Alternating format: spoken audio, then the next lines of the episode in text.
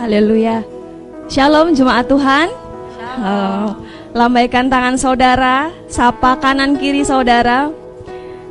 Haleluya. Bersyukur sekali kita berjumpa pada hari ini. Pastinya engkau dan saya disertai dan ditolong Tuhan setiap waktu demi waktu. Amin.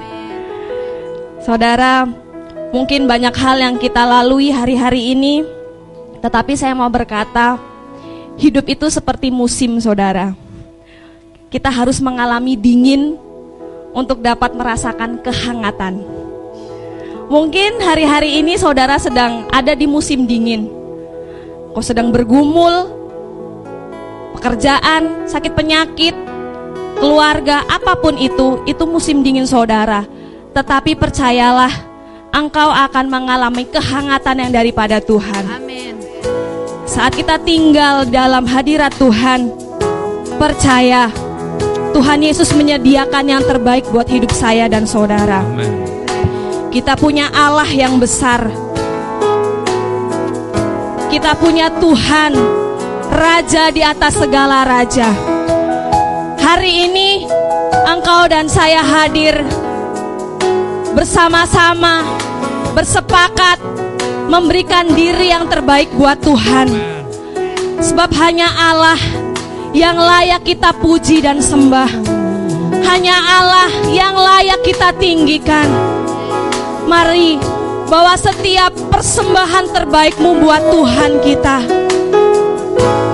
Terima kasih Yesus, terima kasih. Segenap umatmu, jemaatmu di tempat ini maupun di rumah. Kami bersatu hati menyatakan pujian kami. Bahkan seluruh alam pun sujud menyembah Engkau Allah yang hidup. Terima kasih Bapa, terima kasih. Mari kita nyatakan pujian ini dengan sepenuh hatimu. Alam semesta melukiskan kebesaran Tuhan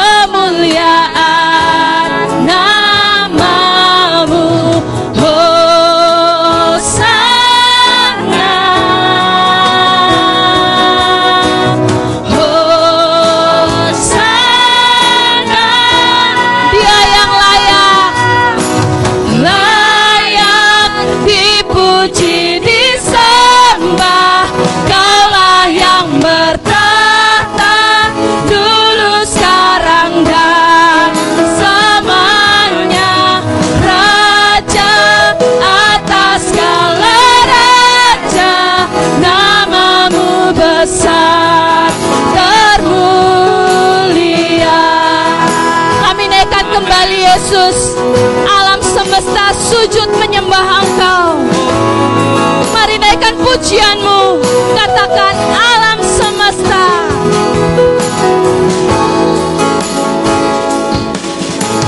Alam semesta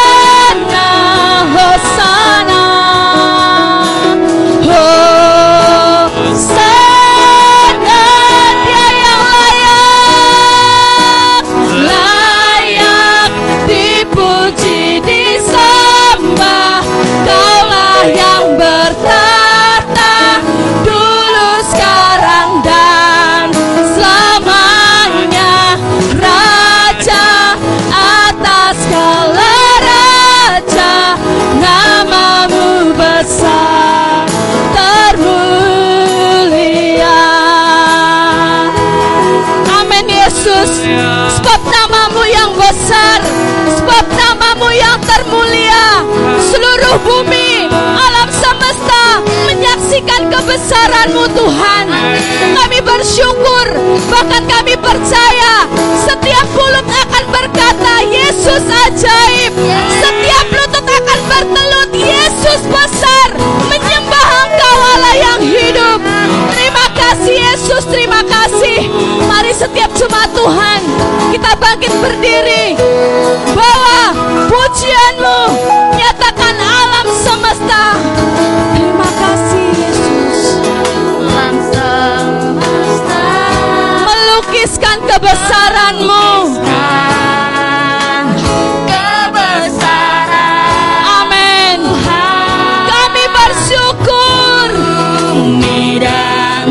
surga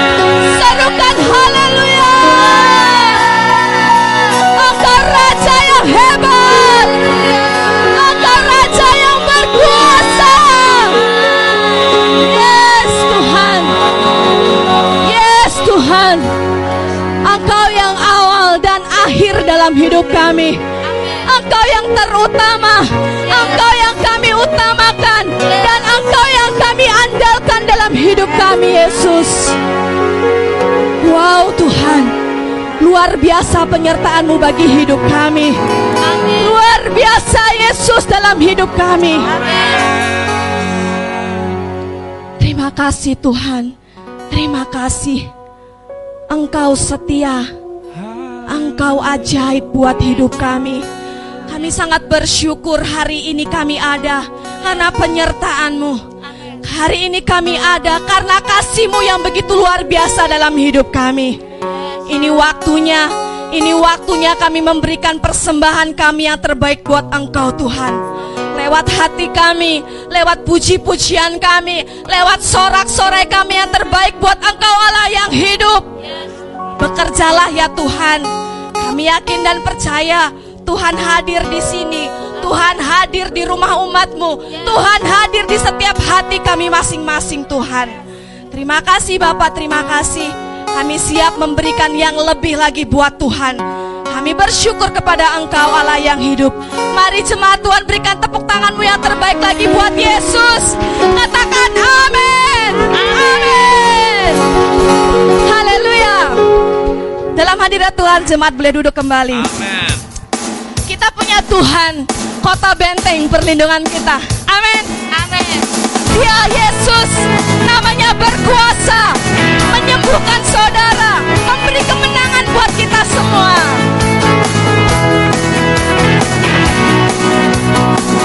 Sama-sama katakan, namanya Tuhanku,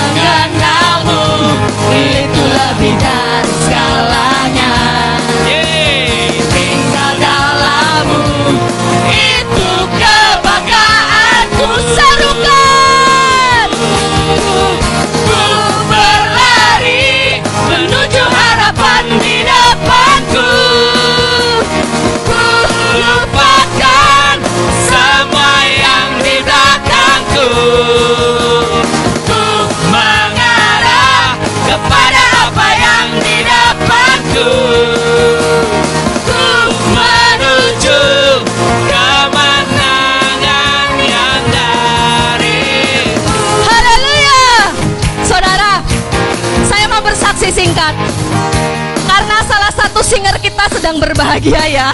Ada yang habis wisuda kemarin. Jadi saat saya mempersiapkan lagu ini, saya diingatkan masa-masa kuliah saya. Saya bersyukur bisa kuliah selama 4 tahun. Waktu itu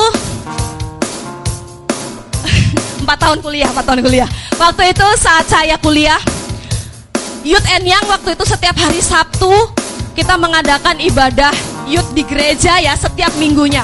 Dulu setiap minggu loh teman-teman. Youth and Young setiap malam minggu dan saya sekolah uh, kuliahnya setiap hari Sabtu. Waktu itu saya setiap selesai kuliah saya selalu diajak sama teman-teman saya buat karaoke bareng, buat hangout bareng. Tetapi saya selalu bilang nggak bisa karena saya ada ibadah Youth and Young. Dan setiap hari Sabtu, setiap selesai kuliah teman-teman saya langsung bilang nggak usah ajak asih ibu pendeta mah ke gereja terus. Jadi saudara, saat saya mempersiapkan lagu ini ada kata-kata berkata, tinggal dalam Tuhan itu kebanggaanku. Amen. Jadi saya nggak perlu malu. Saya dikatakan cukup buat mereka nggak apa-apa, tetapi saya bangga jadi anak Tuhan. Begitupun hidup saudara.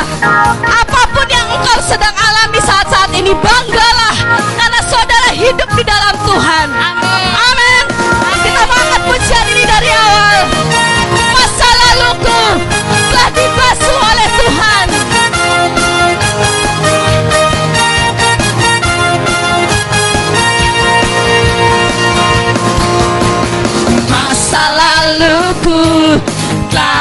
Darahmu Gagal kita ditebus olehnya.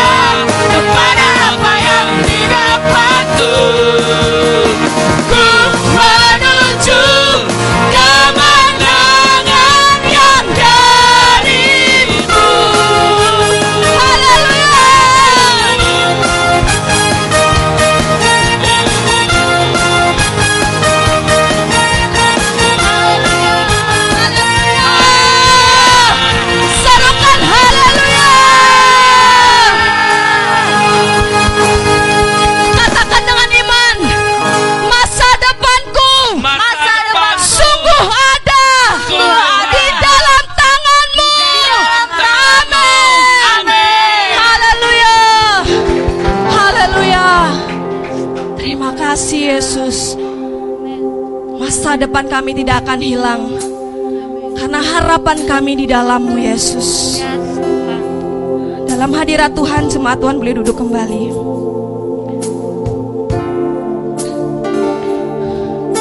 Kami bersyukur Tuhan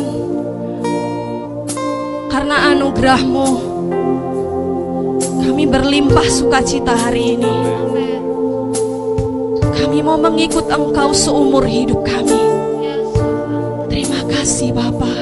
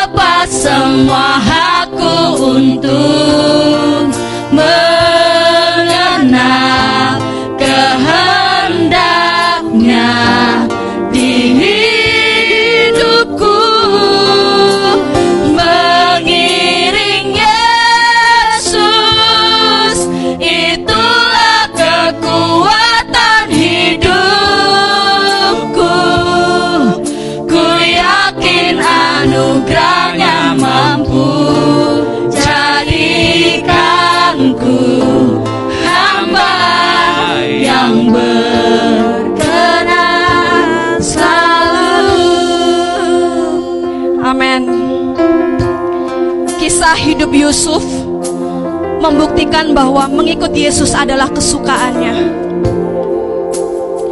Mengikut dan mengiring Tuhan adalah keputusan Yusuf yang paling tepat. Dalam keadaan yang tidak enak dalam kehidupan Yusuf, ketika dia dihianati saudara-saudaranya, dia dibenci, bahkan dia tidak dianggap di tidak diingat di dalam penjara.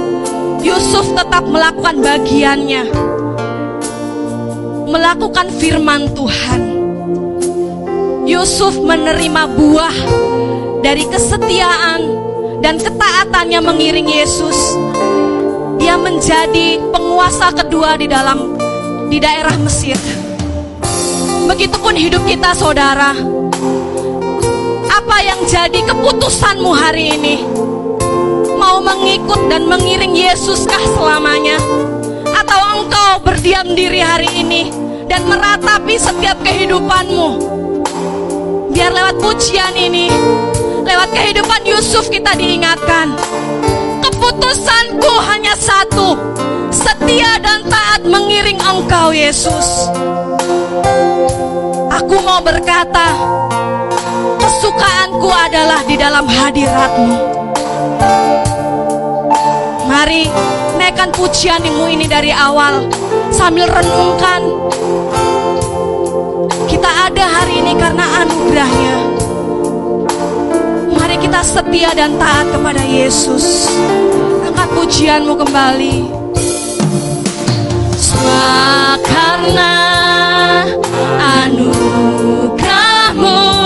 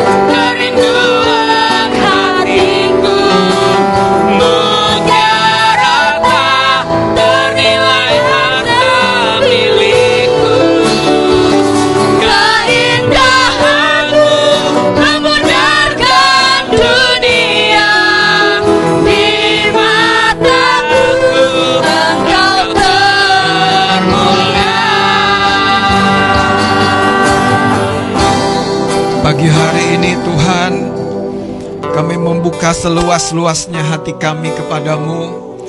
Dan biarlah Engkau yang terus mengajari kami dan berbicara secara pribadi. Ibadah bukan hanya sebatas gemuruh sorak-sorai Tapi ibadah Allah ketika kami membuka hati kami dan mengalami kehadiranmu. Ketika kami mengalami kehadiranmu Tuhan Mengalami kehadiranmu dalam setiap situasi yang paling pribadi, yang paling personal. Apa pun yang kami gumulkan Tuhan, apa pun yang menjadi kedalaman hati kami yang sering tidak mampu kami ungkapkan kepada seseorang pun. Tapi Engkau mengerti Tuhan. Oh Tuhan Yesus, kerinduan hatiku mutiara harta ternilai harta milikku. Keindahanmu memudahkan dunia di mataku. Engkau ter lagi sekali katakan oh Tuhan Yesus. Tuhan Yesus. Ini hati kami Tuhan. Bakara ternilai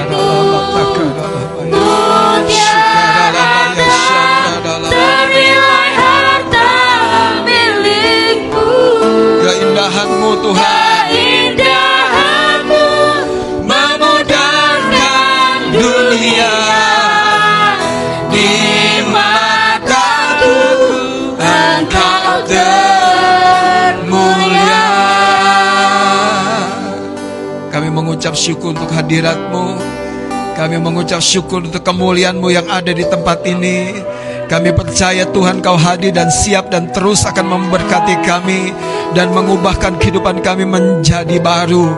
Kami mengucap syukur. Haleluya. Semua yang siap menerima firman Allah katakan sama-sama. Amin, amin, amin, amin. Beri kemuliaan bagi Tuhan. Disorak-sorak bagi dia. Puji Tuhan. Silakan duduk kekasih-kekasih Tuhan. Selamat pagi semuanya. Apa kabar? Yang sudah beberapa minggu tidak jumpa. Ya, semoga semua baik-baik saja. Amin, amin, amin. Saudara, kalaupun kita mengalami satu dua tantangan, tantangan akan menjadi batu pijakan untuk kita naik lebih tinggi lagi. Haleluya. Percayai saudara. Karena segala sesuatu yang Tuhan izinkan terjadi dalam hidup kita tidak pernah tanpa maksud dan tidak pernah tanpa pengelolaan rencananya. Artinya dia selalu terlibat bahkan dalam situasi yang terburuk sekalipun dalam hidup kita.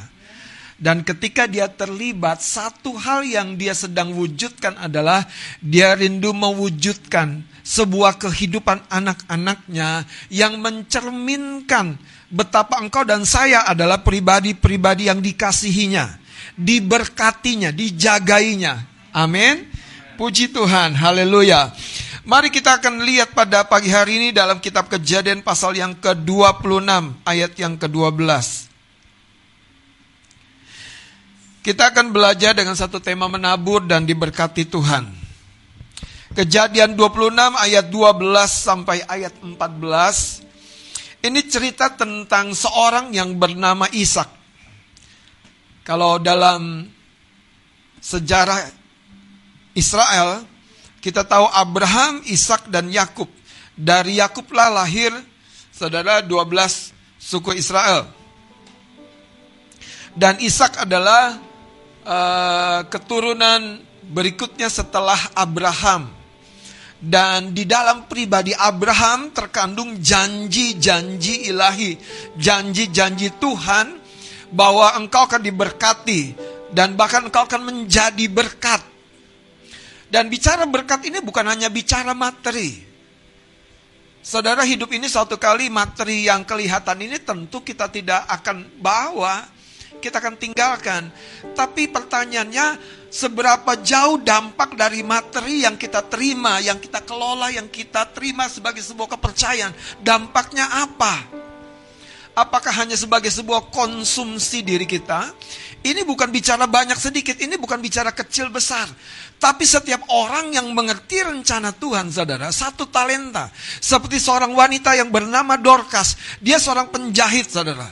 Dan dia memberkati banyak kaum ibu, lansia, janda-janda. Dengan talentanya itu membuatkan baju-baju untuk para janda-janda ini. Dan Dorcas sangat-sangat menjadi berkat. Dan satu ketika ketika dia meninggal, Alkitab yang mencatat di dalam kisah para rasul, jemaat mendengar ada Rasul Petrus pada waktu dan kemudian membawa Dorcas, membawa Rasul Petrus berjumpa dengan Dorcas dan kemudian apa yang dilakukan? Dorcas mengalami kebangkitan dari kematiannya. Wow. Itu sebuah peristiwa yang terjadi bukan tiba-tiba. Dorcas kalau bisa dikatakan bukan orang sembarangan. Dorcas orang yang berdampak, orang yang diingat. Saudara, engkau dan saya satu hari akan kembali. Biarlah engkau dan saya diingat akan keberdampakan hidupmu. Amin. Haleluya. Kejadian 26 ayat 12 sampai ayat 14 kita akan baca bersama-sama. Mari kita bangkit berdiri. Haleluya. Kejadian 26 ayat 12 kita mulai akan baca 2 3. Maka menaburlah Ishak di tanah itu dan dalam tahun itu juga ia mendapat hasil seratus kali lipat sebab ia diberkati Tuhan. Dan orang itu menjadi kaya bahkan kian lama kian kaya sehingga ia menjadi sangat kaya. Ia mempunyai kumpulan kambing domba dan lembu sapi serta banyak anak buah sehingga orang Filistin itu cemburu kepadanya. Silakan duduk puji Tuhan. Terima kasih. Kekasih-kekasih Tuhan, cerita Ishak ini sebetulnya bukan cerita yang baru. Tapi ada pelajaran-pelajaran rohani yang merupakan dasar dari kehidupan orang percaya. Kalau kita mau mengalami sebuah kehidupan yang kian lama kian kaya kata ayat ini, ada dua hal yang sederhana yang dicatat pada ayat yang ke-14. Pada ayat yang ke-12 dulu. Maka menaburlah. Maka menaburlah Ishak di tanah itu. Katakan menabur. Saudara tentu untuk dapat menabur dengan baik, engkau harus menggarap tanah tersebut.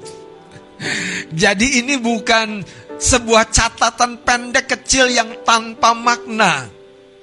Seorang petani yang bijak bukan hanya menggarap ladang, bukan hanya menggemburkan tanah, tapi dia mempersiapkan benih yang terbaik untuk dilepaskan dari tangannya. Dan tidak berhenti sampai di situ.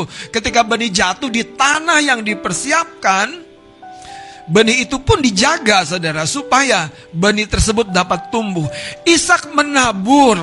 Tetapi yang menarik catatan Alkitab kalau kita baca pada kejadian 26 ini. Ishak menabur di tahun kesulitan. Di masa ketika segala sesuatu harusnya harusnya kita kencangkan ikat pinggang. Sebetulnya sederhananya, Ishak memiliki sebuah konsep berpikir yang bagus. Perbesar aset, maka engkau akan menikmati keuntungan atau buah dari aset.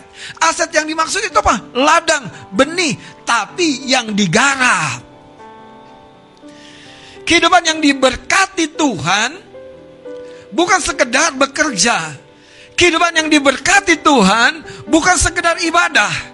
Bukan sekedar mencari Tuhan.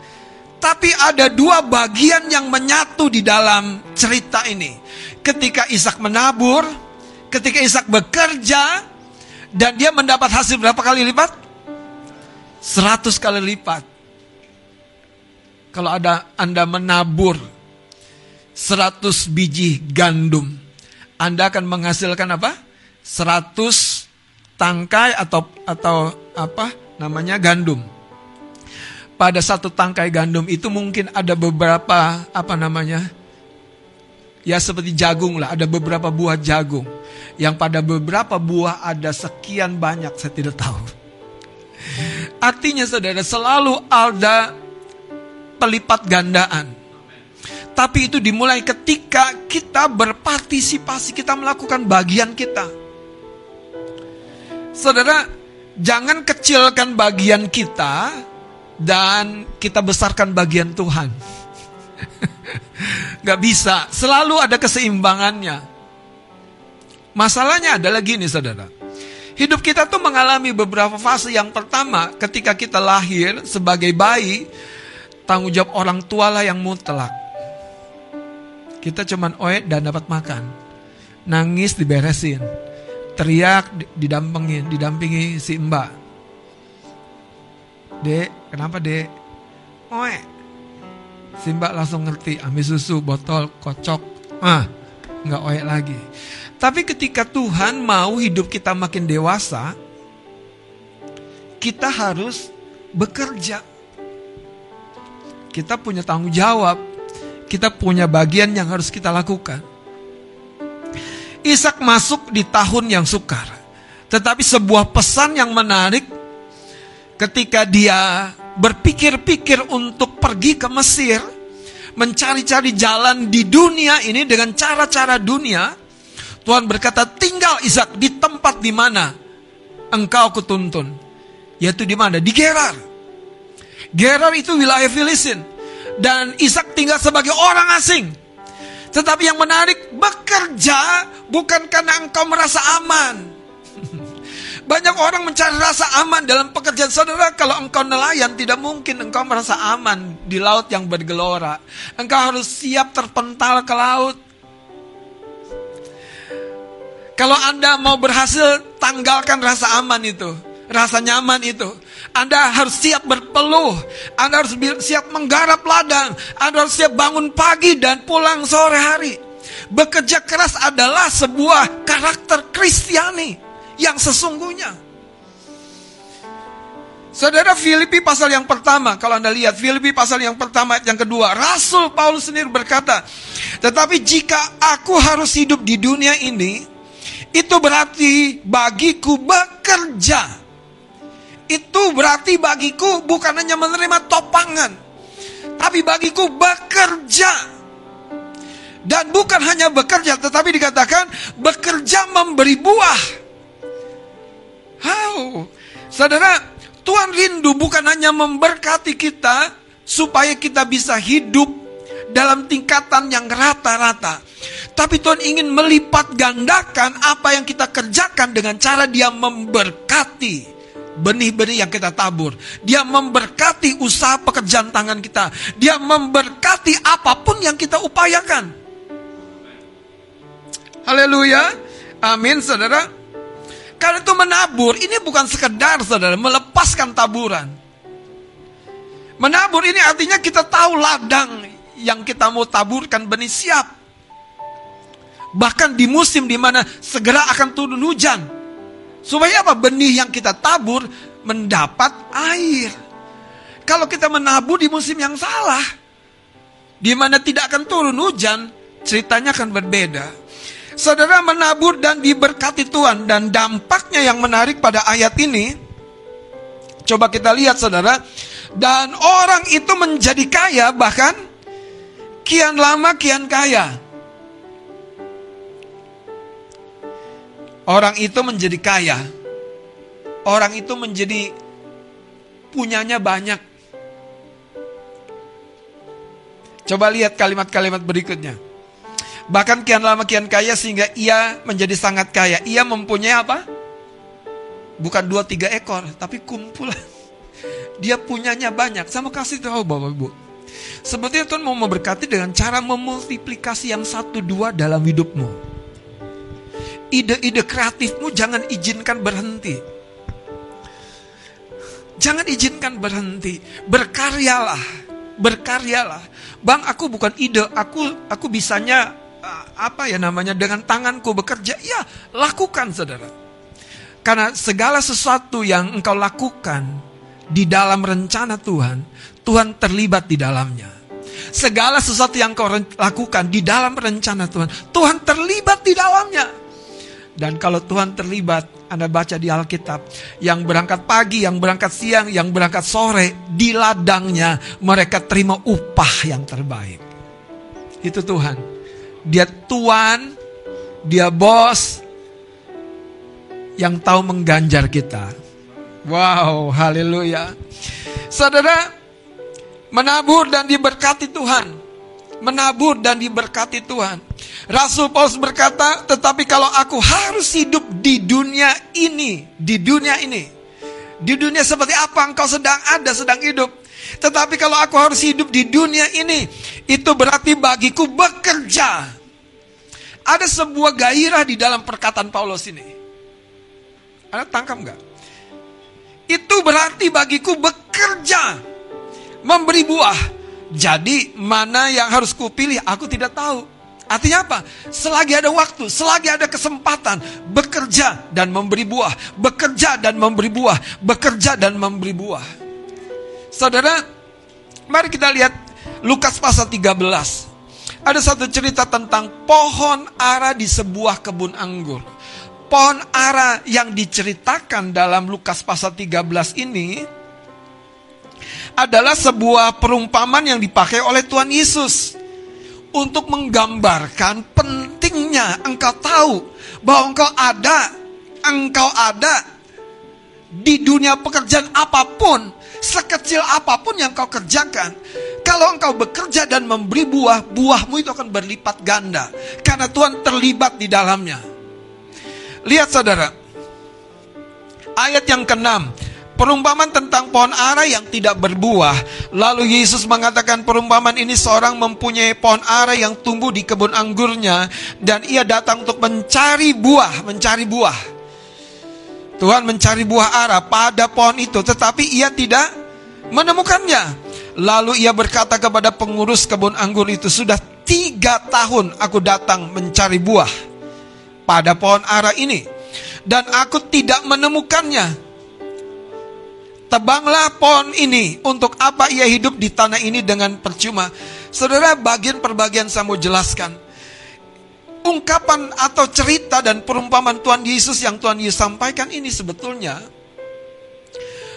terhubung dengan perikop di atasnya. Tentang orang-orang yang tidak mau bertobat. Tapi cuman mengomentari orang-orang yang kena covid lah, yang kena kecelakaan lah, yang kecebur apalah sungai lah. Tuhan Yesus pakai begini, kalau kamu juga tidak bertobat, kamu juga akan binasa dengan cara yang seperti itu. Jadi poinnya yang Tuhan mau sampaikan adalah gini saudara. Ada sesuatu di dalam sebuah pertobatan yang akan membuahkan yang selama ini tertahan di dalam diri kita. Saya sekarang masuk kepada perumpamaan pohon aranya. Ketika Yesus menceritakan ada sebuah pohon ara, tapi tumbuhnya bukan di sembarang kebun. Perhatikan dengan baik ya. Tumbuhnya bukan di sembarang kebun, tapi dia tumbuh di Perhatikan ayatnya, kebun anggur. Satu saja pohon ara, tapi tumbuh di kebun anggur. Kira-kira kebetulan apa nggak? Apa ditanam? Nggak sengaja, mungkin ya, mungkin ya, nggak sengaja. Dan bayangkanlah di sebuah kebun anggur ada satu pohon ara. Artinya pohon ara ini istimewa, dikasih kesempatan tumbuh. Pohon ara ini betul-betul dapat apa namanya? Kesempatan yang mungkin tidak dimiliki oleh pohon ara yang lain. Di antara pohon-pohon anggur hanya satu pohon ara. Tuhan mau bilang begini saudara. Seringkali kita tidak sadari bahwa hidup ini adalah kesempatan. Hadir di sini kesempatan. Menabur itu adalah kesempatan. Berbuat baik adalah kesempatan. Melakukan firman bukan hanya mendengar. Melakukan firman adalah kesempatan. Membawa jiwa adalah kesempatan. Melakukan pelayanan dengan sebaik-baiknya adalah kesempatan. Dan ketika engkau menjawab panggilan kesempatan itu, engkau akan berbuah. Sayangnya, satu pohon ara ini tidak memanggil, tidak menjawab panggilan itu. Tuhan sendiri berkata, sudah berapa tahun? Tiga tahun. Tuhan membidik tahun-tahun dalam hidup kita menjadi tahun yang berlimpah dengan buah. Seperti yang terjadi dengan seorang yang bernama Ishak. Tabur 100 kali lipat. Tuhan membidik. Itu artinya hidupmu, hidupmu punya sebuah sasaran dan target yaitu hidup berbuah. Bahkan buahnya bukan sekedar berbuah karena diberkati Tuhan 100 kali lipat. Jadi ada faktor kita bekerja, ada faktor kita melakukan yang terbaik, ada faktor di mana kita buat rencana, ada faktor di mana kita bangun pagi-pagi dan pulang malam-malam. Haleluya. Ada faktor kita menahan kantuk, ada faktor kita mengembangkan diri. Ada faktor dari diri kita sendiri, tapi ada faktor di mana Tuhan memberkati yang kita lakukan. Saudara, banyak orang kadang-kadang ya, dia mau memperkecil bagian dia, dia mau memperbesar bagian Tuhan. Yang penting Tuhan berkati seratus kali lipat. Hei, yang penting kan firmannya berkata Tuhan memberkati seratus kali lipat. Saudara, itu mentalitas yang salah. Karena Tuhan tidak pernah mengajar seperti itu. Dia mengajar kita bekerja. Bukan sekedar menabur. Ya memang kita pasang lotre. Cap cip cup nomor berapa. Dapat uh, saya nggak pakai tabur deh nanti salah soalnya. Pasang sejuta. dapat 100 juta gitu. Mimpi kali. Saudara, tapi kalau kita di dalam Tuhan, lihat yang terjadi dengan Ishak, ada pelipat gandaan, ada multiplikasi. Karena itu lakukan segala satu bagian kita dengan cara yang terbaik yang bisa engkau manifestasikan dalam keberadaanmu, dalam kesempatanmu. Pohon ara ini tumbuh di satu kebun anggur. Tapi sayangnya saudara, pohon ara ini tidak menghasilkan buah pada tahun pertama. Tidak menghasilkan buah pada tahun kedua. Tidak menghasilkan buah pada tahun ketiga. Sudah berapa tahun kita ditumbuhkan Tuhan? Pada tahun pertama, si tuan yang empunya kebun datang, belum ada buah. Kasih kesempatan tahun kedua, tidak ada buah. Kasih kesempatan tahun ketiga, tidak ada berbuah. Itu sebabnya perikop ini terkait dengan perikop di atasnya. Kalau kamu tidak bertobat, engkau tidak akan menghasilkan buah kerajaan Allah. Yang menarik dalam cerita ini saudara, makanya menabur dan diberkati Tuhan, ada bagian kita. Ketika engkau setia, terlebih lagi Tuhan yang yang sangat-sangat setia. Dia tidak mungkin membiarkan engkau menabur dengan air mata pulang dengan air mata lebih berlinang lagi nggak mungkin saudara. Ayatnya berkata apa? Sekalipun kau maju menabur dengan air mata, kau pulang dengan Beri tepuk tangan bagi Tuhan dong. Haleluya. Amin. Coba kembali lihat ayat ini saudara. Tuhan berkata tebang, tebang, tebang. Bukan karena nggak tumbuh loh, tapi karena nggak berbuah. Karena dibilang kan buat apa dia tumbuh? tapi karena nggak berbuah. Hidup kekristenan harus berbuah. Coba kasih tahu kanan kiri, aku akan berbuah. Wah.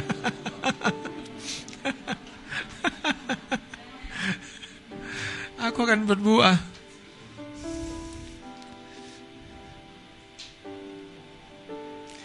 Lihat saudara, ayat yang ke-8 sekarang. Jawab orang itu. Jadi ketika si bos bilang tebang saja. Pengurus kebun anggur itu bilang begini, Tuhan biarkanlah dia tumbuh tahun ini lagi. Aku akan mencangkul tanah sekelilingnya dan memberi pupuk kepadanya mungkin, lihat, tahun depan. Jadi tahun-tahun dalam hidup kita itu bukan tahun-tahun yang kosong. Gak mungkin kalau engkau bersama dengan Tuhan akan jadi tahun yang kosong. Pohon ara di tengah kebun anggur ini, pohon ara yang satu ini tidak menghasilkan buah, Ternyata saudara, ada masalah. Ada masalah. Dia tidak bekerja sebagaimana harusnya. Tapi dalam cerita ini dijelaskan pada ayat 8-nya. Ternyata pengurusnya yang harusnya membantu mungkin dalam tanda kutip lalai. Makanya ketika Tuhan mengancam, si pengurus ini bilang, Tuhan, Tuhan, biarkanlah dia tumbuh tahun ini lagi. Aku akan apa? Mencangkul tanah sekelilingnya dan memberi pupuk kepadanya. Mungkin tahun depan ia berbuah jika tidak jika tidak tebanglah dia. Hari ini biarlah firman ini mengingatkan kita saudara. Bukan masalah berapa besar talenta, potensi, kemampuan, bahkan dengerin saya. Ijazah dan pengalaman bukan berapa besar. Itu sungguh-sungguh sangat berguna. Tapi saudara, ketika engkau tidak menghidupinya dan di dalam berkat Tuhan, tidak akan terjadi yang seperti Ishak alami. Makanya jangan jangan jangan takut saudara. Peluang selalu ada di hadapanmu, selalu.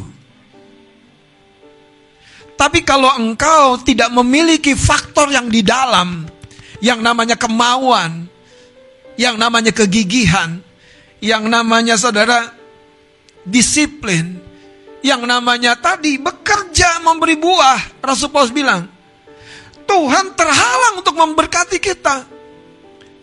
Berkat apa yang pertama dia akan beri? Apa? Biasanya sama orang yang malas. Berkat apa? Berkat pukulan. Bukan menghajar, e, membinasakan, bukan. Membangunkan. Iya kan? Coba orang tua kita, kalau di rumah, dipukul nggak kita? Dipukul. Tapi tujuannya bukan apa? Bukan bikin sakit, tapi bangun. Izinkan saya memukul Anda. Berbuahlah tahun ini.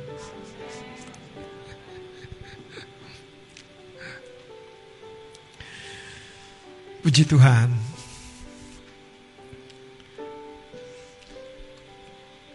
Ayat ini bilang, mungkin tahun depan dia akan berbuah. Saudara, ada satu hal yang Tuhan taruhkan beberapa waktu ini. Tuhan sedang membidik tahun-tahun kita tuh. Supaya tahun-tahun yang sedang kita lewati ini. Itu tidak lagi akan kosong. Tidak lagi akan percuma. Tidak lagi akan sepertinya. Bayangkan saudara. Untuk dirinya saja tidak ada. Apalagi berdampak. Masalahnya sederhana. Ternyata si pengurus kebun anggur ini nggak tobat kerjasama lagi sama pohon aranya nggak tobatnya. si pohon ara makasih, nggak usah dicangkulin, nggak usah dipupuk. Datanglah si pemilik kebun anggur itu. Tiga tahun aku cari. Anda ada buah. Buat apa hidup percuma? Waduh. Haleluya. Kekasih-kekasih Tuhan Doamu adalah pekerjaanmu. Pelayananmu adalah pekerjaanmu. Apa pun yang kita lakukan sebagai sebuah ekspresi dari apa yang kita terima adalah pekerjaan kita. Saya berdoa semua Tuhan akan berkati, Tuhan akan ubahkan dan menghasilkan berlipat kali ganda. Ada amin, ada amin, ada amin. Tuhan mau membawa kita kepada tempat-tempat yang baru. Tuhan mau membawa kita kepada musim-musim yang baru. Tuhan membawa kita kepada tingkat kehidupan, tingkat kehidupan yang baru. Tuhan mau membawa kita kepada rumah-rumah yang baru. Tuhan mau membawa kita kepada hubungan-hubungan yang baru. Tuhan mau membawa kita bahkan dalam kebahagiaan-kebahagiaan yang baru. Tuhan mau membawa kita dan itu dimulai ketika Ishak menabur dan dia diberkati Tuhan. Saudara, saya sudah bicara cukup sebetulnya tentang menaburnya. Tapi bicara diberkati, ini bicara hatimu melekat kepada Tuhan. Saya bahkan berbicara jauh melampaui ibadah hadir di gereja. Kalau hatimu melekat kepada Tuhan, engkau tidak hadir di gereja. Engkau bisa tetap ibadah di rumahmu dengan cara yang terbaik. Orang yang hatinya melekat, saudara, saya mau kasih tahu ya. Sekalipun dia tidak bisa hadir minggu pertama untuk duduk sidangan makan perjamuan kudus di rumah Tuhan. Mungkin sekretariat lupa kirim roti dan anggur. Dia akan bilang, Kak Nani, boleh nggak aku dikirimin? Karena hatinya melekat, saudara. Orang yang hatinya melekat, saudara, dia tahu ada detak jantung di dalam dalam hatinya yang merindukan Tuhan. Aku udah lama ya, kayaknya nggak ke ruang doa. Aku udah lama ya, nggak menyembah cukup dalam. Aku udah lama ya nggak baca Alkitab tuh sampai ada sebuah pewahyuan gitu. Hidupku terlalu standar seperti pohon ara yang tidak menghasilkan buah. Kalau aku ngomong cuman copy paste. Dengerin saya. Dengerin saya. Dengerin saya. Kalau Anda luangkan waktu tadi, diberkati Tuhan. Karena hatimu melekat kepada Tuhan taburanmu, pekerjaanmu tidak mungkin sia-sia. Percayalah saudara. Tuhan kita Tuhan yang pegang janji. Tuhan kita bukan Tuhan yang obrol janji. Tapi dia keep, dia penjaga, dia menjaga janjinya sampai terjadi. Hari ini saudara, dengerin saya. Kenapa sekali lagi Tuhan membidik tahun dalam hidup kita? Satu tahun yang sekarang itu menentukan tahun di depan. Tolong perhatikan dengan baik. Kalau Anda tidak tobat tahun ini, tahun depan kau tidak akan menghasilkan buah. Yang dimaksud pertobatan tuh bukan terima Yesus lagi, percaya Yesus lagi. Yang dimaksud pertobatan tuh Anda berbalik jalan. Dari kelambananmu, kemalasanmu, kecuekanmu. Berbalik arah Ambil satu sikap yang terbaik yang kau tahu Tuhan hari ini bicara di hatimu. Satu malam saya bertobat dan saya bilang gini Tuhan. Lama sekali aku belum menyelesaikan Alkitabku khususnya kitab Matius. Hari itu saya lembur baca kitab Matius. Saya bilang gak apa-apa deh Tuhan. Aku gak tidur malam ini. Aku selesaikan Alkitabku. Itu jauh sebelum jadi pendeta saudara. Wong nggak mimpi jadi pendeta. Jauh. Itu masih anak Tuhan. Remaja pemuda. Cuman hati ini tahu diri saudara. Aku dikasih kesempatan, aku dikasih keselamatan. Masa aku nggak nggak ngapa-ngapain buat Tuhan? Saudara, tahun ini ketika kau menabur, Tuhan akan melipat gandakan sehingga taburanmu akan berbuah dan berbuah lagi. Saya kembangkan sedikit saudara, pohon ara itu paling tidak ada dua kali menghasilkan buah dalam satu tahun. Dan ketika engkau menabur pada awal tahun, engkau akan menuai dua kali lipat kalau itu pohon ara ya, waktu dia tumbuh berbuah. Kalau itu gandum. Dan ketika engkau berbuah, itulah yang dimaksud buah yang kau tuai di tahun ini akan menjadi satu benih yang siap di tahun mendatang. Dan benih yang siap akan menghasilkan taburan dan tuayan yang siap.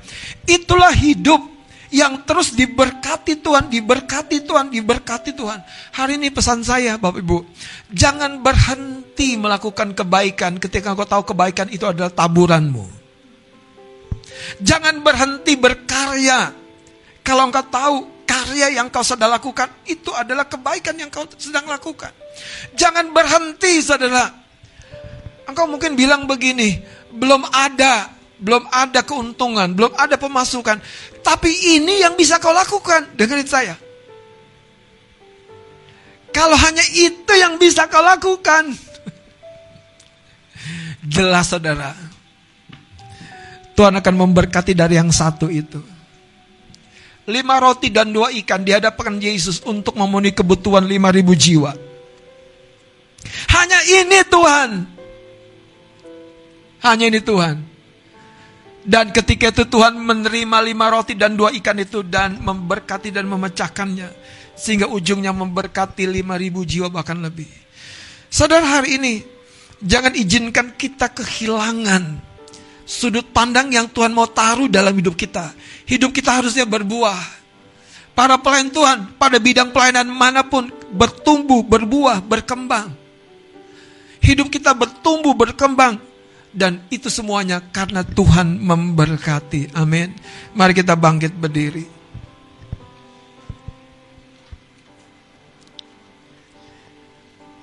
Saudara, saya mau simpulkan renungan kita pada kejadian 26 ini.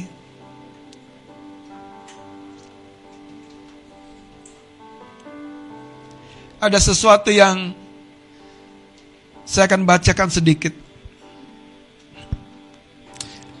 Kejadian 26 pada ayat yang kedua. Lalu Tuhan menampakkan diri kepadanya setelah berfirman. Janganlah pergi ke Mesir. Diamlah di negeri yang akan kukatakan kepadamu. Ishak tinggal di negeri orang Filistin, di negeri Gerar pada waktu itu. Dan ini adalah buah ketaatan dan buah dari sebuah pertobatan. Hari ini, kalau Anda baca lengkap saudara, Alkitab yang di mana Tuhan memakai perumpamaan pohon ara yang tidak berbuah. Itu terjadi karena tidak ada perubahan, tidak ada pertobatan. Tahun kita kosong, tiga tahun kosong. Dan ketika akhirnya Tuhan terpaksa menegaskan satu prinsip ada sebuah perubahan yang terjadi. Mari ambil waktu untuk mengambil sebuah perubahan yang terjadi. Syakarala batakanala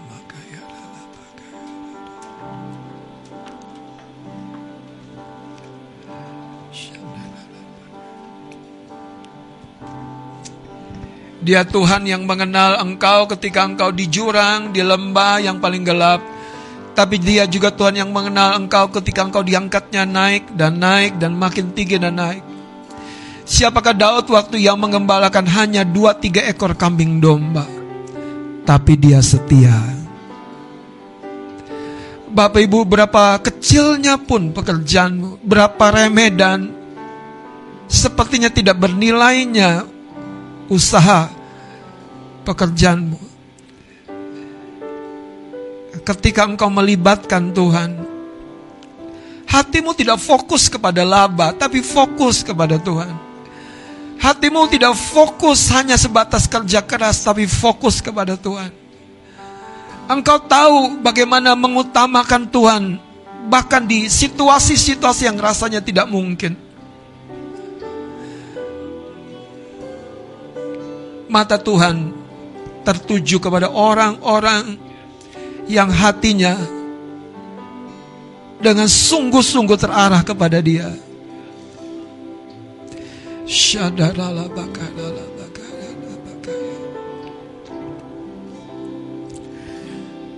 Kita angkat katakan pujian kita, oh Tuhan Yesus kerinduan hatiku. Mari kembali kepada dia. Oh Tuhan Yesus kerinduan hatiku. Mutiara tak ternilai harta milikku. Keindahanmu memudarkan dunia di mataku. Engkau ter lagi katakan oh Tuhan Yesus oh Tuhan Yesus kerinduan hatiku. Mutiara tak ternilai harta milikku. Memudarkan dunia di mataku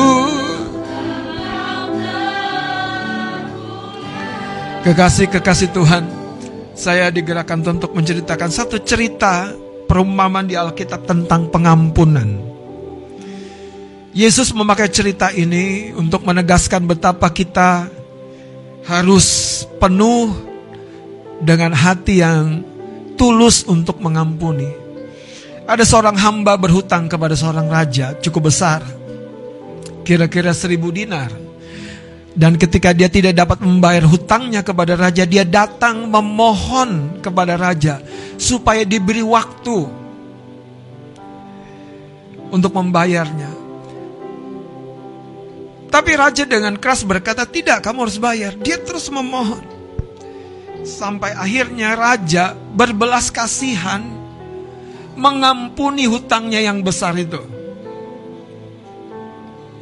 Dia keluar dari tempat raja dan kira-kira tidak berapa lama berjumpa dengan temannya yang berhutang kepada dia. Kira-kira hanya 10 dinar mungkin. Dia menangkap temannya dan mencekek temannya, memaksa untuk hutangnya dibayar, dan tidak ada ampun, dijebloskan ke dalam penjara temannya ini. Teman-teman dari orang yang ditangkap, dicekek, dan dipenjara itu melaporkan kepada raja.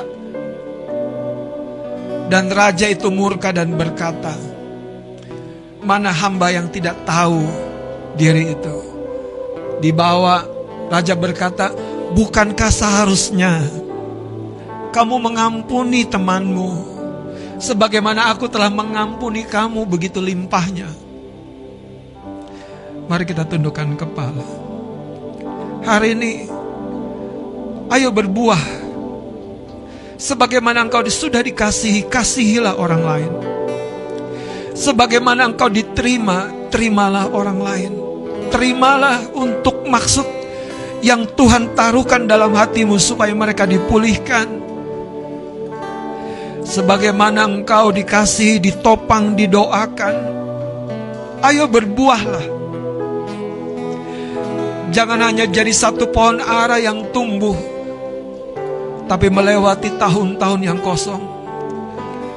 Mari nyanyikan kembali pujian dari awal sebagai lagu pertobatan kita. Yang ku ingini engkau saja. Diam dalam kehendak rencanamu pisahkan diriku. Pisahkan diriku. Dari dunia ini semakin ku damba semakin ku damba kerajaanmu yang ku ingini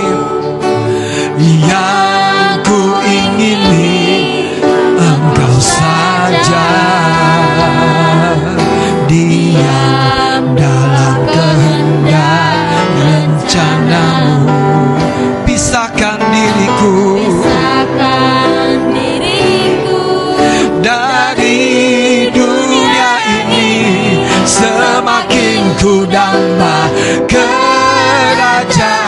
Ayo angkat tanganmu katakan oh Tuhan Yesus Yesus kerinduan hatiku. Mutiara tak ternilai harta milikku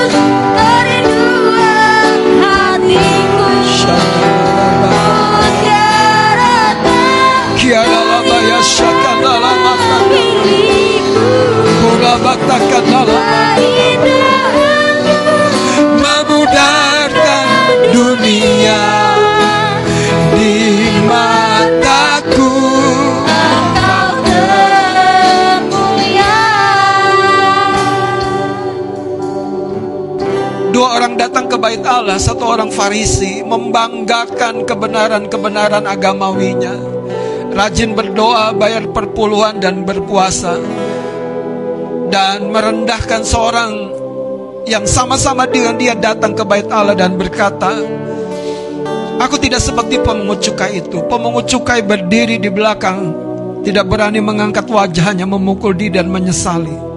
Saudara Maukah engkau menyesali langkah-langkahmu yang lama. Dan ketika Yesus memakai perumpamaan ini, siapakah yang pulang dengan dibenarkan? Tuhan berkata, pemungut cukai. Yang berkata, Tuhan ampuni aku tidak layak, aku tidak berbuah. Aku lamban, aku masih malas. Aku sukar diarahkan, Tuhan tolong aku. Saudara, itulah kuasa ibadah. Dan biar hari ini ketika jalan-jalanmu kembali di dalam tracknya Tuhan, rencananya Tuhan. Seperti Ishak, di masa kering pun dia bekerja. Di masa kering, di masa segala sesuatu susah pun dia menggarap ladang. Tapi taburannya diberkati Tuhan. Taburannya diberkati Tuhan. tapi taburannya diberkati Tuhan. Tuhan akan membuat perbedaan orang-orang yang tidak sungguh-sungguh hatinya kepada Tuhan dengan orang-orang yang sungguh-sungguh hatinya kepada Tuhan. Tuhan akan membuat perbedaan orang yang sungguh-sungguh mencintai dan mencari Tuhan. Sekalipun dengan segala keterbatasannya, tapi hatinya menjerit kepada Tuhan. Dengan orang yang tidak sungguh-sungguh. Kenapa Tuhan memakai seperti orang Farisi? Karena dia sudah puas dengan kebenarannya sendiri. Hari ini, ayo hadapkan hatimu kepada Tuhan. Biarlah engkau pulang dibenarkan dan diberkati Tuhan.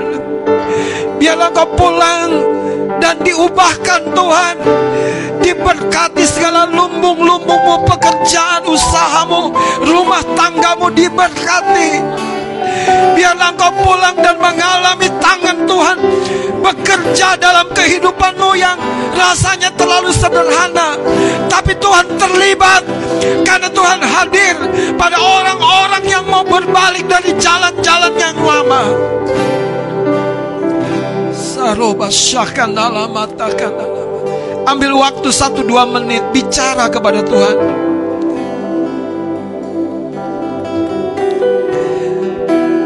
Kadangkala pengeluaran kita lebih banyak kepada hal yang lain dari kepada hal yang sifatnya benih di rumah Tuhan.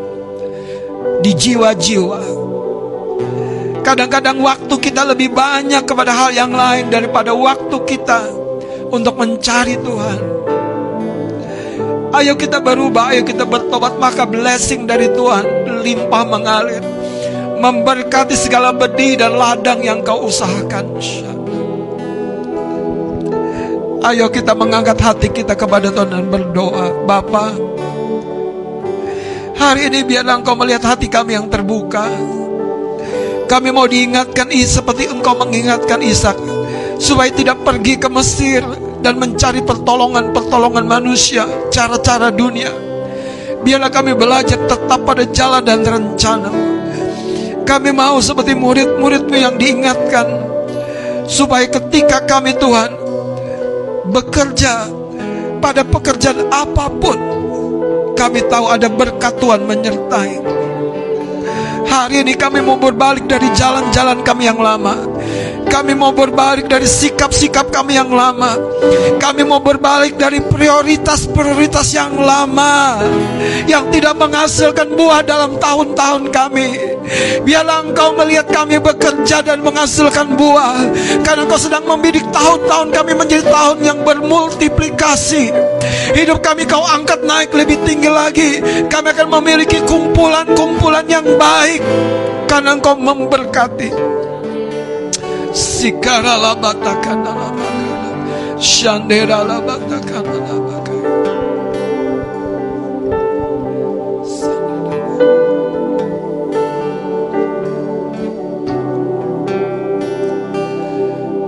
Oh Tuhan Yesus, kerinduan hatiku mutiara tak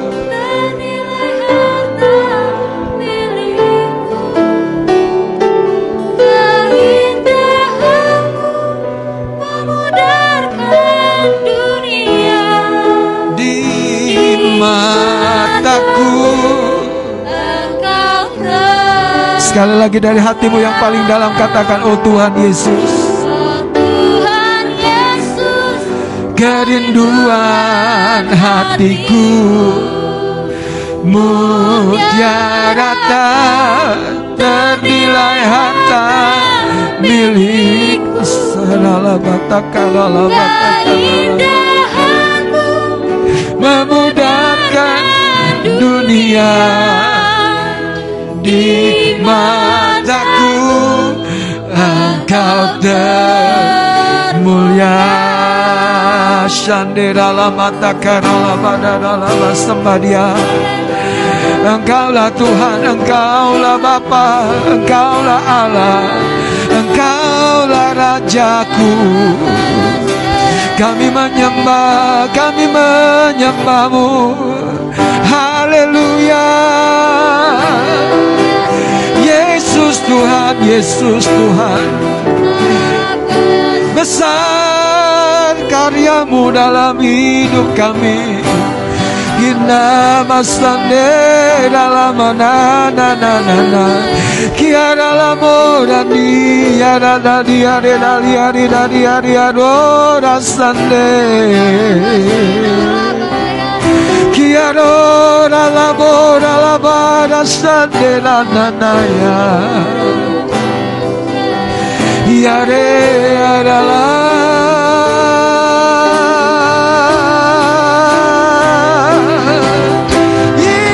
Yaro yara labora sande Yara labaya sande la yare naraya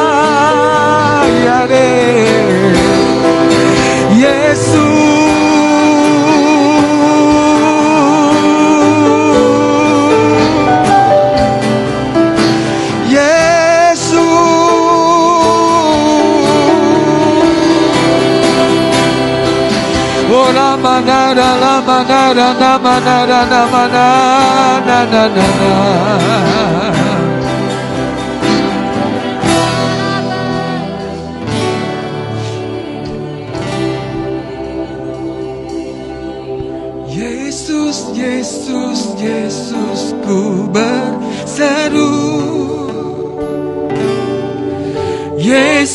Yesus, ku panggil namamu.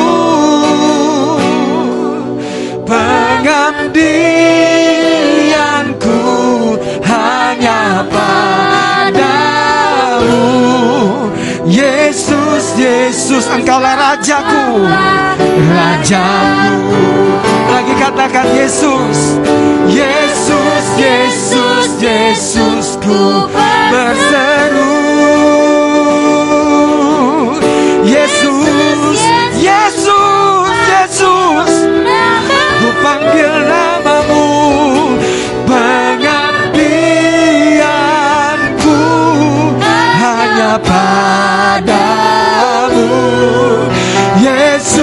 Yesus, engkaulah Rajaku.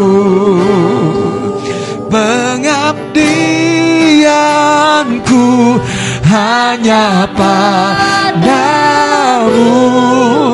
Yesus, Yesus engkaulah Bapakku. Bersorak-sorai bagi Tuhan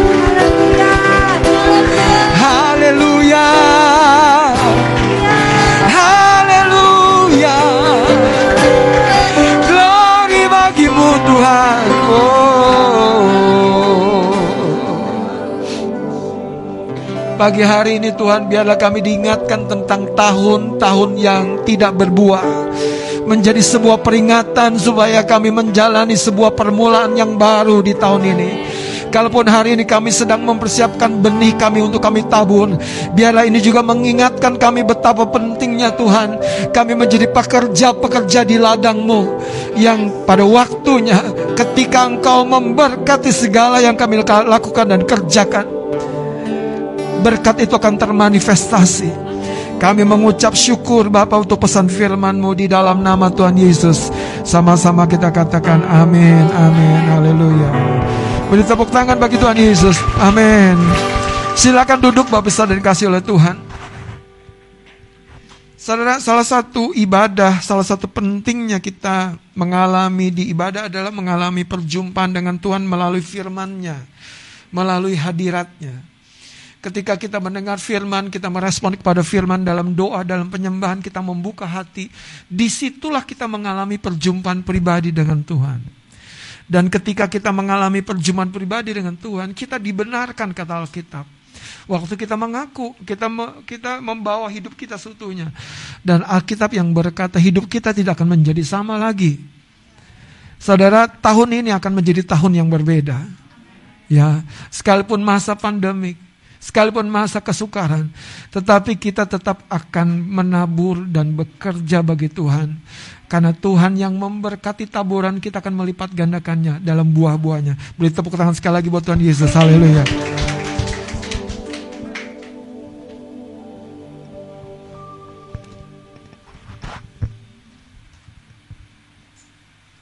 Haleluya. Puji Tuhan, saudara, kita telah bersama-sama menekan firman Tuhan. Kita siap menabur dan diberkati Tuhan. Haleluya. Puji Tuhan. Dan sebentar kita akan bersama-sama uh, mendengarkan pengumuman pada hari ini Minggu 20 Februari tahun 2022. Kita akan saksikan video berikut ini.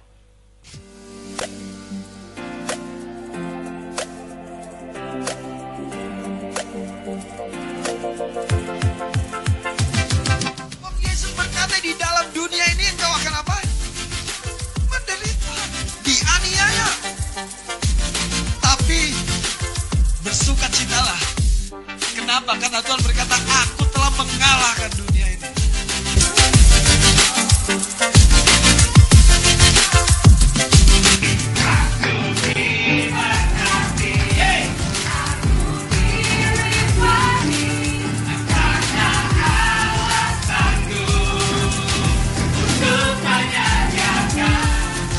Mari pastikan dirimu hadir di doa malam GPI Kema Pujian Haleluya. Berikan tepuk tangan saudara. Ada yang ketawa-ketawa dengar suaranya sendiri. Puji Tuhan. Uh, jadi akan ada doa malam di hari Jumat tanggal 25 Februari tahun 2022 di gereja di tempat ini pukul 7 malam. Ya, puji Tuhan, biar setiap jemaat Tuhan dapat mengikuti doa malam kita dengan penuh sukacita.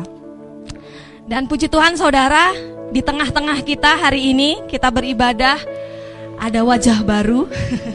ada saudara kita. Halo, boleh depan kanan kirinya sapa buat saudara kita teman dari Vera ya. Selamat datang di gereja Tuhan. Dan juga ada ibu dari orang tua dari Hana yang yang sudah lama sekali dulu pernah ikut pas Natal. Selamat datang kembali Ibu. Puji nama Tuhan. Hari ini kita bersuka-cita bisa berkumpul dengan saudara-saudara kita pastinya. Amin. Dan sebentar kita akan bersama-sama memberikan persembahan. Hari ini adalah hari yang ditunggu pasti ya.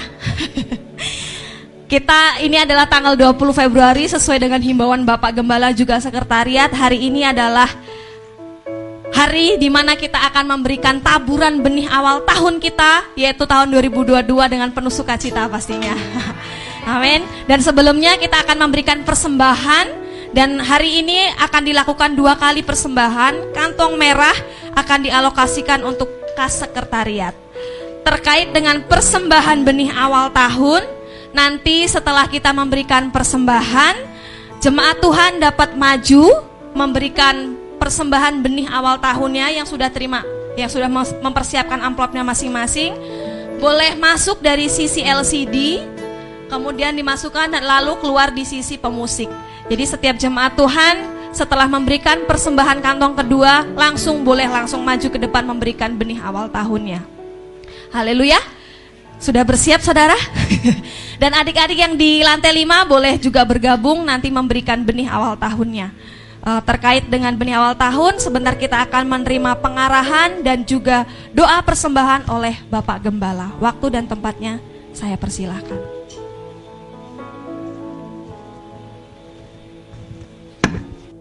Shalom puji Tuhan. Bapak Ibu, uh, siapa pun kita yang baru hadir pertama kali, tidak mengapa.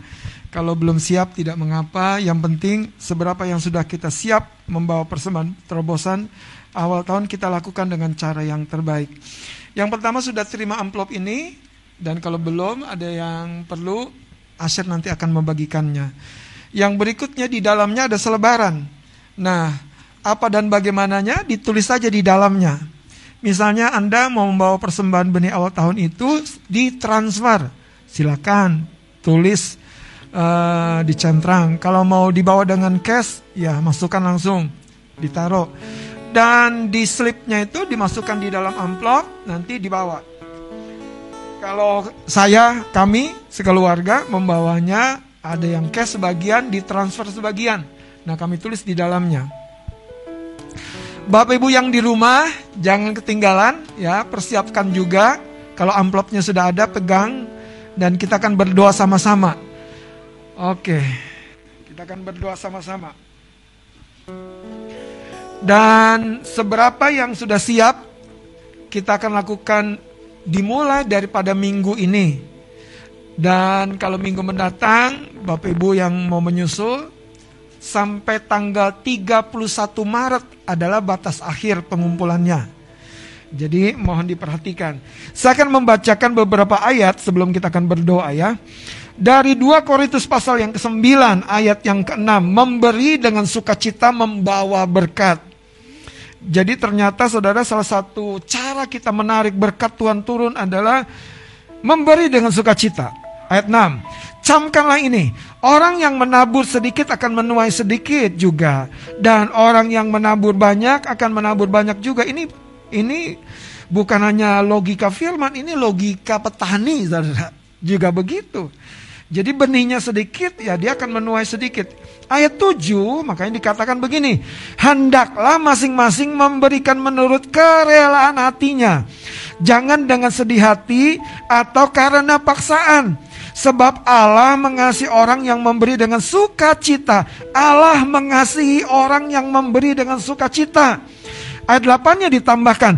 Dan Allah sanggup melimpahkan segala kasih karunia kepada kamu kepada diri kita, di dalam kita bekerja, di dalam segala sesuatu yang kita lakukan, supaya kamu senantiasa berkecukupan. Jadi di rumah tangga kita berkecukupan, di dalam segala sesuatu, bukan hanya materi.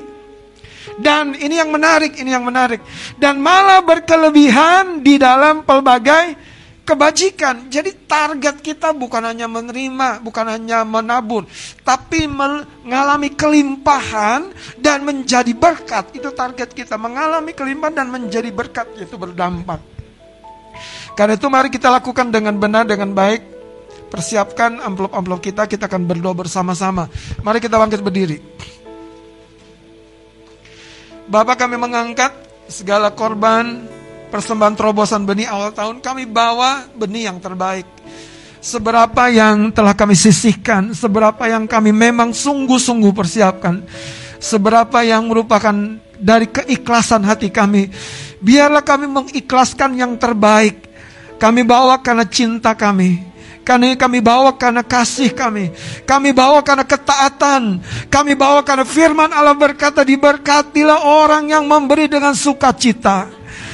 Pada pagi dan siang hari ini kami mengangkat amplop kami yang kami mau persembahkan. Tuhan kuduskan, Tuhan berkati. Segala sesuatunya Tuhan berkati. Bukankah engkau yang berkata bahwa ketika Ishak menabur, engkau memberkati taburan Ishak. Sehingga Ishak berhasil tahun itu mendapat hasil seratus kali lipat. Tuhan berkati kehidupan kami, berkati pekerjaan kami. Seperti janji firman engkau akan mengangkat kami terus naik dan bukannya turun. Sebab Yesus Kristus engkau sudah menjadi miskin. Supaya kami menjadi kaya dari kemiskinanmu itu. Sebab engkau sudah berkorban. Supaya kami tidak lagi mati di kayu salib karena dosa-dosa kami. Tapi kami hidup di bawah berkat. Di bawah kemurahanmu. Di bawah kasih sayangmu. Hari ini kami mendeklarasikan bukan hanya berkat materi. Kami akan melihat hubungan-hubungan yang baru. Kami akan melihat Tuhan pintu-pintu yang baru. Kami akan melihat lumbung-lumbung yang baru. Kami akan lihat jenis usaha-jenis usaha yang baru. Kami akan lihat kambing domba. Apa pun yang kami miliki terbatas terus akan Tuhan lipat kali gandakan. Terjadi dalam nama Yesus. Terjadi dalam nama Yesus. Terjadi dalam nama Yesus. Terjadi dalam nama Yesus. Kami akan menerima kemurahan Allah. Kami akan menerima kemurahan dari banyak orang-orang yang kau gerakkan hatinya. Kami akan lihat terobosan. Kami akan lihat Tuhan tahun-tahun di depan akan menjadi tahun yang melipat gandakan tahun ini. Hidup kami akan berbuah lebat dan menerima kemurahan daripadamu. Tuhan terima kasih.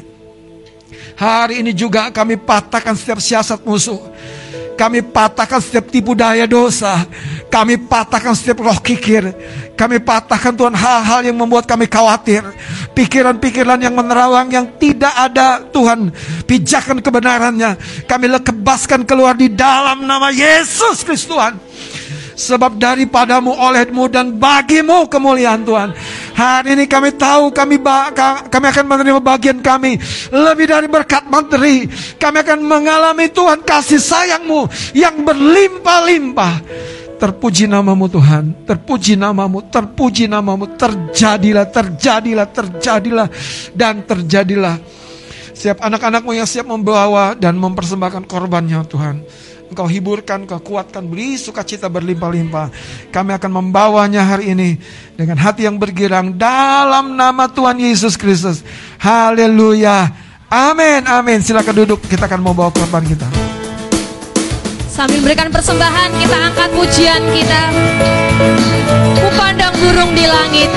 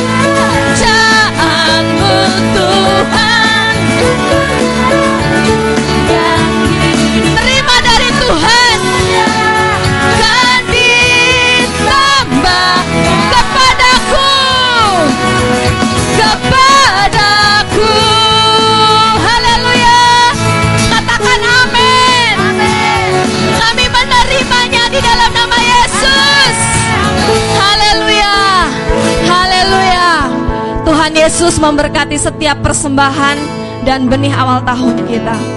Haleluya. Dan di akhir ibadah kita hari ini kita bersyukur kita mau bersama-sama bersatu hati. Kita akan menaikkan doa kita di hadapan Tuhan. Kita percaya saat kita mengangkat tangan, saat kita berkata amin, terjadi sesuai dengan kehendak Tuhan. Terima kasih Bapa. Hari ini kami bersatu hati mengangkat tangan kami sebagai bukti kami percaya sepenuhnya akan kehendakmu Tuhan. Hari ini kami bersyukur buat setiap persembahan dan benih kami yang kami bawa di hadapanmu. Kami menabur dan kami siap diberkati oleh Tuhan. Kami siap berbuah limpah dalam hidup kami. Terima kasih Bapak, terima kasih. Diberkatilah setiap jemaat Tuhan yang hadir maupun di rumah masing-masing. Kami percaya berkat kami sama Tuhan. Karena Engkau mengasihi kami semua. Terima kasih Bapak, terima kasih. Hari ini kami berdoa bersama-sama untuk dua tempat yang Tuhan berikan bagi setiap kami gereja Tuhan. Kami berdoa untuk Geraha Kencana gereja kami dan juga sekretariat GPK Pujian di Tanah Kusir. Kami berdoa buat dua tempat ini, dua tempat yang diberkati Tuhan, dua tempat yang membawa dampak besar bagi sekeliling kami. Kami berdoa akan ada banyak jiwa-jiwa dimenangkan, akan ada banyak orang-orang yang mengenal Kristus lebih lagi Tuhan. Diberkatilah setiap pemimpin-pemimpin kami di gerejamu. Di mana pun kami berada Rohmu bekerja atas hidup pemimpin-pemimpin kami. Setiap pemimpin kepala rumah tangga Diberkati dalam nama Yesus. Terima kasih Bapak, terima kasih. Kami juga berdoa Tuhan buat bangsa kami. Di atas segala sesuatu yang terjadi hari-hari ini Kami melihat pekerjaan tangan Tuhan juga luar biasa kami tidak pernah ditinggalkan. Bangsa kami mendapatkan berkat dari Engkau Tuhan. Lewat orang-orang yang terus percaya, mengangkat tangan berdoa buat bangsa kami. Terjadilah sesuai dengan kehendak-Mu. Bangsa kami pulih, bangsa kami sehat, bangsa kami aman, bangsa kami berlimpah damai sejahtera. Diberkatilah pemimpin bangsa kami, Bapak Presiden hingga yang terendah. Rohmu bekerja melawat setiap keputusan-keputusan itu yang dari Tuhan. Terima kasih Bapak, terima kasih. Kami juga berdoa Tuhan buat pemimpin kami. Bapak Gembala, Ibu Gembala, Samuel, bahkan keluarga besar. Rohmu terus bertambah, makin hari makin nyata terjadi buat keluarga hambamu ini. Engkau berkati setiap pergumulan pribadi lepas pribadi. Engkau berkati pergumulan keluarganya terjadi di dalam nama Yesus. Kesehatan yang sempurna terjadi buat gembala kami. Kekuatan, kekuatan yang baru bahkan extra blessing kau nyatakan buat hambamu ini Tuhan. Terima kasih Yesus, terima kasih. Kami bersyukur setiap kami akan menerima kado dan kejutan yang luar biasa dari Tuhan tahun ini. Kami terima dengan sukacita penyertaan-Mu sepanjang minggu ini Tuhan. Terima kasih Bapak, terima kasih. Dan di akhir ibadah kami hari ini kami akan sama-sama menerima berkat dari Engkau Tuhan melalui Bapak Gembala. Bapak Ibu yang di tempat ini dan yang di rumah saya mengucapkan terima kasih seberapa kita yang juga terlibat berpuasa dalam persiapan kita membawa benih awal tahun dan selesai ibadah kita akan jamuan kasih yang sudah disiarkan disediakan oleh sekretariat. Kita bersyukur untuk semuanya itu saudara. Dan biarlah kita tahu bahwa benih awal yang kita taburkan pada hari ini kita taburkan dengan sukacita dan percaya Tuhan yang bekerja di dalam semuanya itu. Mari angkat hati kita dan tangan kita. Bapak Ibu Saudara yang di rumah sekalian Angkat tanganmu terima berkat daripadanya. Tuhan mengarahkan wajahnya kepadamu. Dia menyinari engkau dengan kasih dan karunia Sehingga engkau akan berjalan di bawah terangnya sekalipun di tengah kegelapan Engkau akan dijagainya senantiasa pada waktu-waktu kesukaran datang melanda kehidupanmu. Engkau akan ditopangnya tetap tegar dan kuat. Engkau akan diberikan semangat dan sukacita yang baru ketika kau terlalu letih untuk beranjak. Tanganmu akan dimampukan Tuhan berkarya dan berkarya dan berkarya dan berkarya. Sebab Tuhanlah yang menjadi sandaranmu Mara bahaya tidak akan mendatangi kehidupanmu.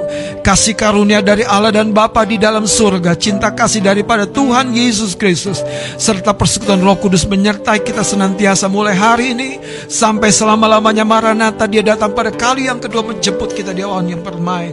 Di dalam nama Yesus Kristus, semua yang percaya dan berkati katakan sama-sama, amin, amin, dan amin. Tuhan Yesus memberkati. Selamat hari Minggu, Tuhan Yesus memberkati.